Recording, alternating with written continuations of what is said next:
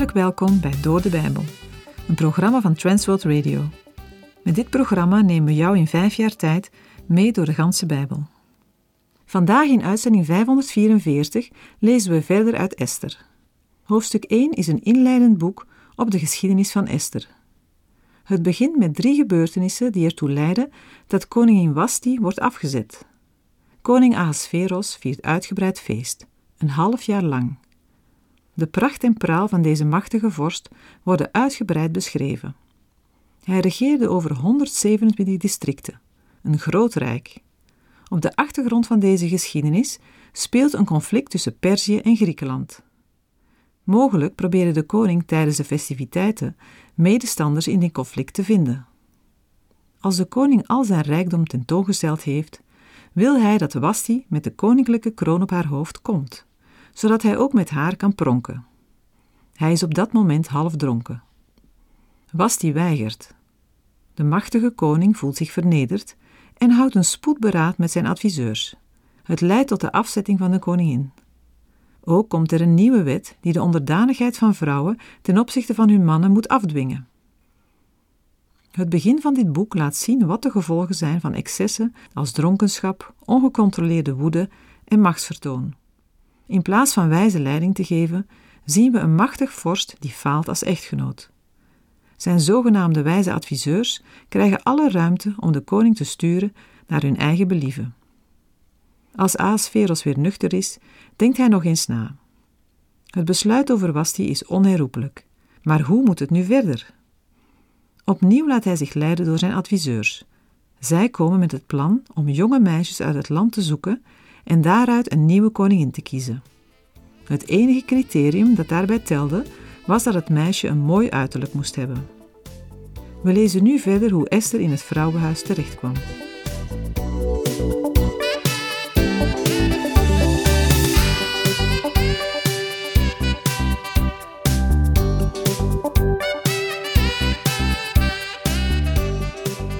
In het tweede hoofdstuk van Esther worden twee nieuwe hoofdpersonen geïntroduceerd: Esther en Mordechai. Het bestaat uit twee delen: de geschiedenis en de gebeurtenis over hoe Esther koningin wordt, gevolgd door een gedeelte met een verslag over hoe Mordechai een aanslag op koning Ahasveros voorkomt. Het Bijbelboek geeft niet aan hoeveel tijd er exact verstreken is na de afzetting van koningin Vasti. Maar Vasti werd afgezet in het derde regeringsjaar van Ahasveros en Esther werd koningin in zijn zevende regeringsjaar. Het is bekend dat Ahasveros in deze periode in oorlog was met Griekenland en grote nederlagen leed. Met name de nederlaag bij Salamis in 480 voor Christus, waardoor de schatkist van het Perzische Rijk was uitgeput en hij als koning zwaar vernederd terugkeerde.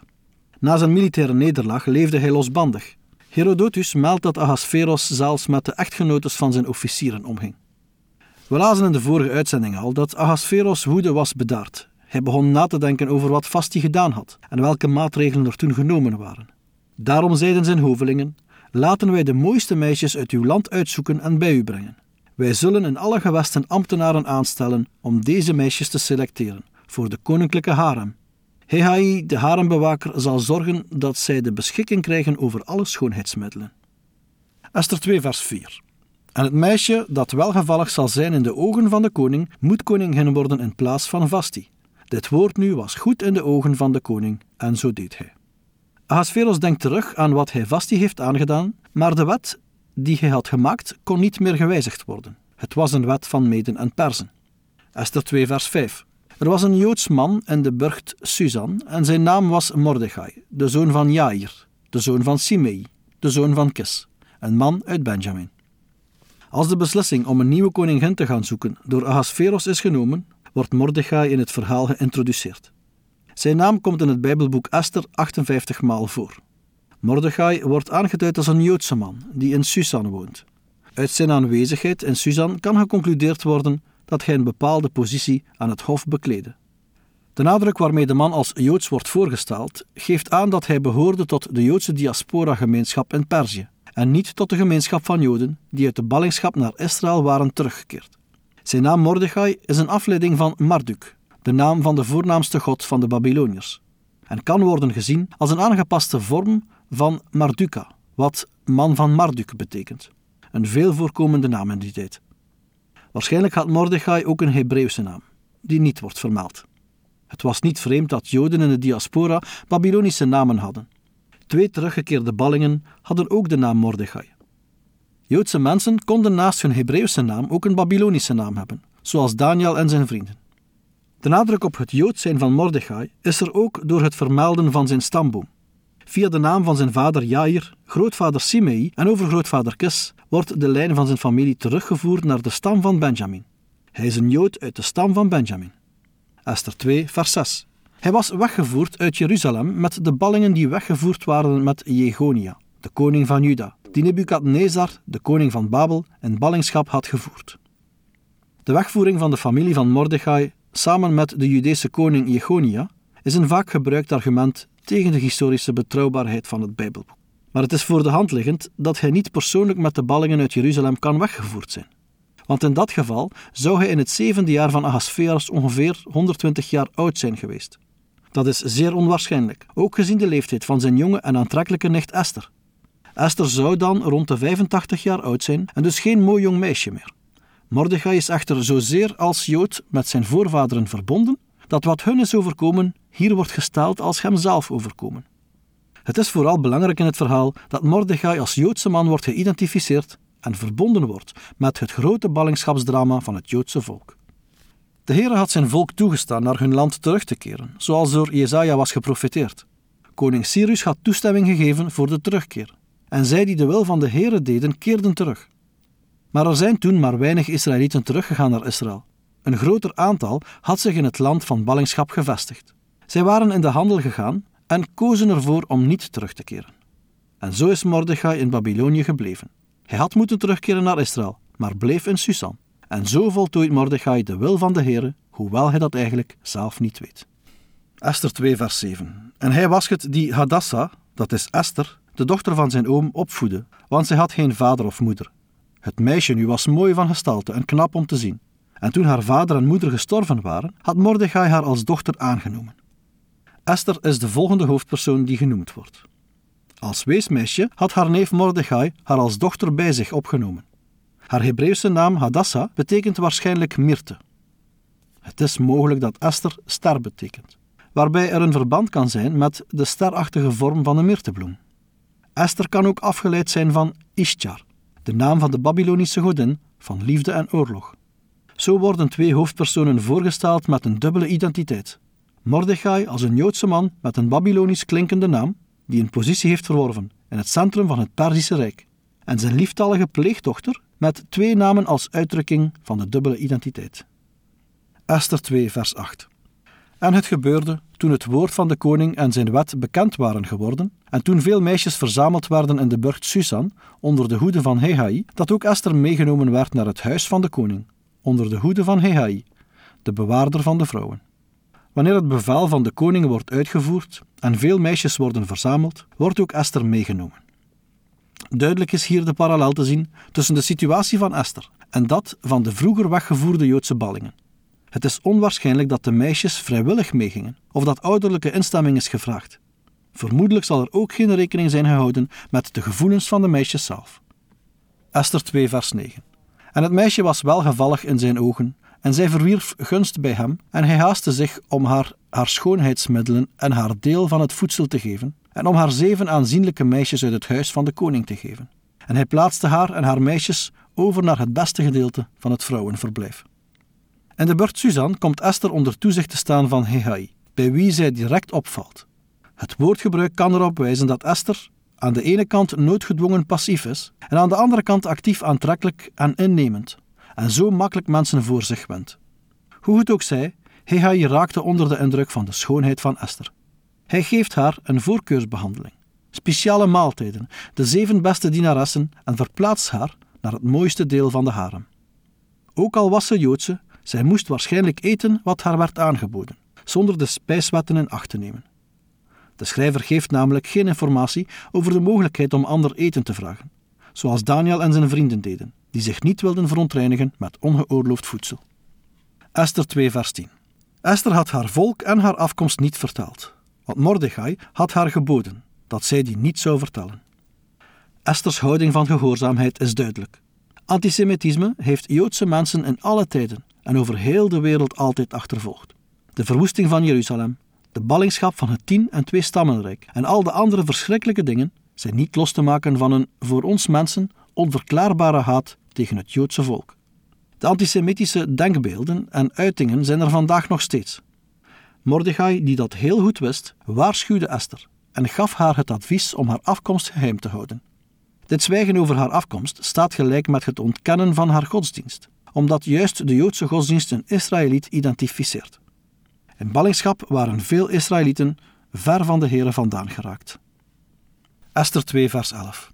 En elke dag wandelde Mordechai voor de voorhof van het vrouwenverblijf om de welstand van Esther te vernemen en wat er met haar zou gebeuren. Mordechai loopt dagelijks rond in de voorhof van de harem, als een bezorgde vader die wil weten wat er met zijn pleegdochter gebeurt. Hij heeft alle reden om bezorgd te zijn over Esther.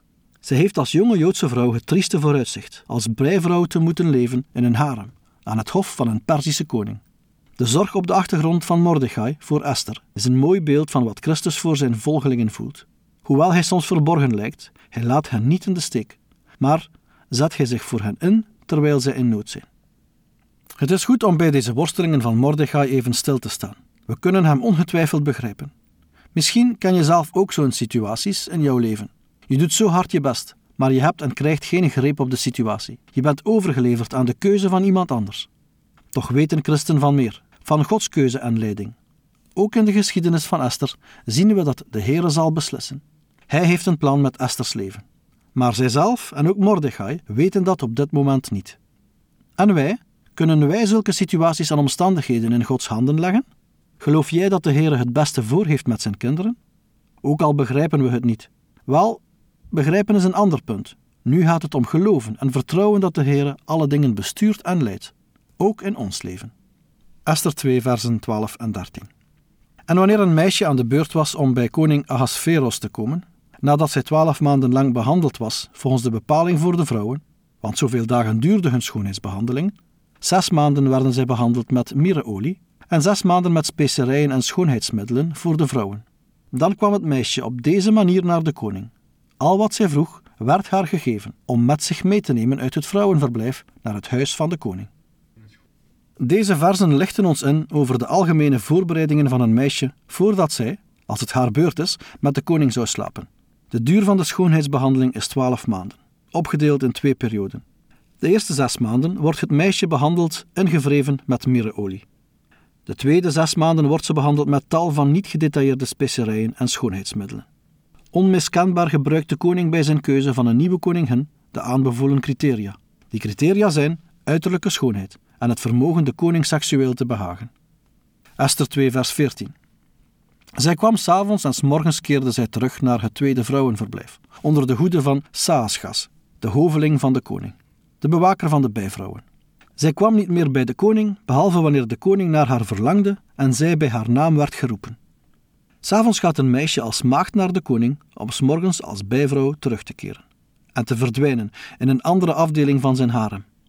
Ook daar staan ze onder toezicht van een hoveling, een hoveling die toezicht houdt op de bijvrouwen. De meisjes zijn aan de willekeur van Ahasveros overgeleverd, want na die ene nacht zien ze hem ook niet meer terug, tenzij hij hen nog eens terug laat roepen. Het haremsysteem was onmenselijk en een vertoon van misbruik van de macht van een koning. Ook Herodotus meldt grote aantallen maagden voor de Perzische koning. Maar het machtsmisbruik beperkte zich niet tot meisjes. Veel jongens werden gecastreerd om als eunuch te dienen aan het hof of in de harem van de koning.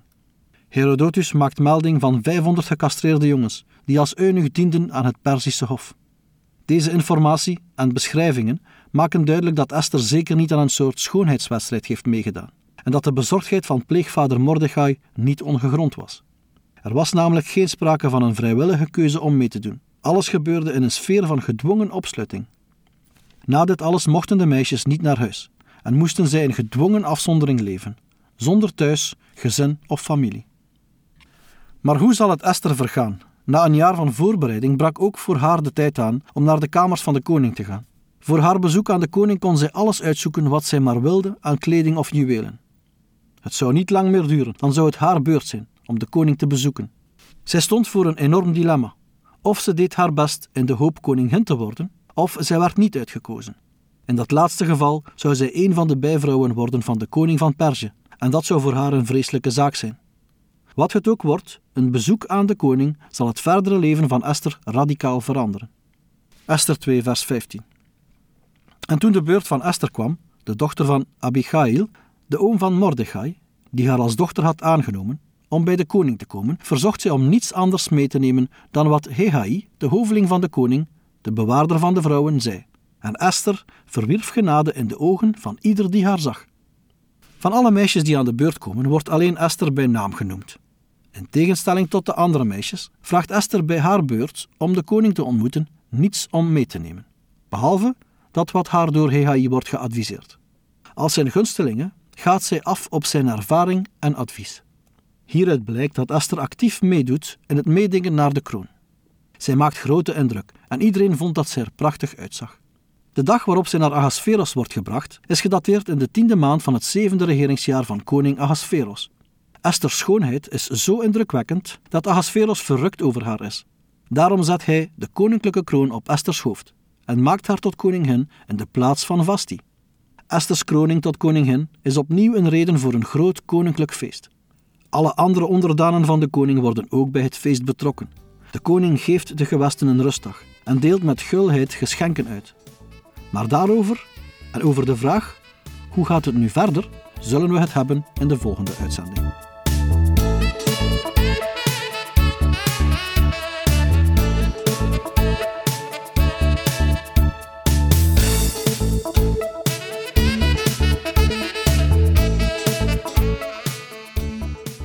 U heeft geluisterd naar Door de Bijbel, een programma waarin we in vijf jaar tijd de ganse Bijbel bespreken. De basis voor het programma is de Bijbelstudiereeks van Dr. Vernon McGee, Through the Bible. Deze werd in het Vlaams vertaald en bewerkt door Transworld Radio. U kan elke werkdag naar een nieuwe uitzending luisteren en u kan ook steeds voorbije uitzendingen opnieuw beluisteren of downloaden. Als u wilt reageren op deze uitzending of u heeft vragen, dan kunt u uiteraard contact met ons opnemen. U kan een e-mail sturen naar doordebijbel.twr.be. Verder kan u op onze site terecht, www.twr.be, voor meer info en het beluisteren van onze overige programma's. Dit programma werd gepresenteerd door Patrick Couchement en Anne Notenboom. Wij danken u voor het luisteren en graag tot een volgende keer.